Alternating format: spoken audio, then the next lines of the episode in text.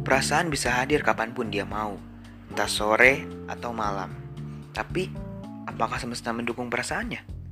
Sedangkan, perasaan adalah paradoks terumit yang sulit untuk dipecahkan.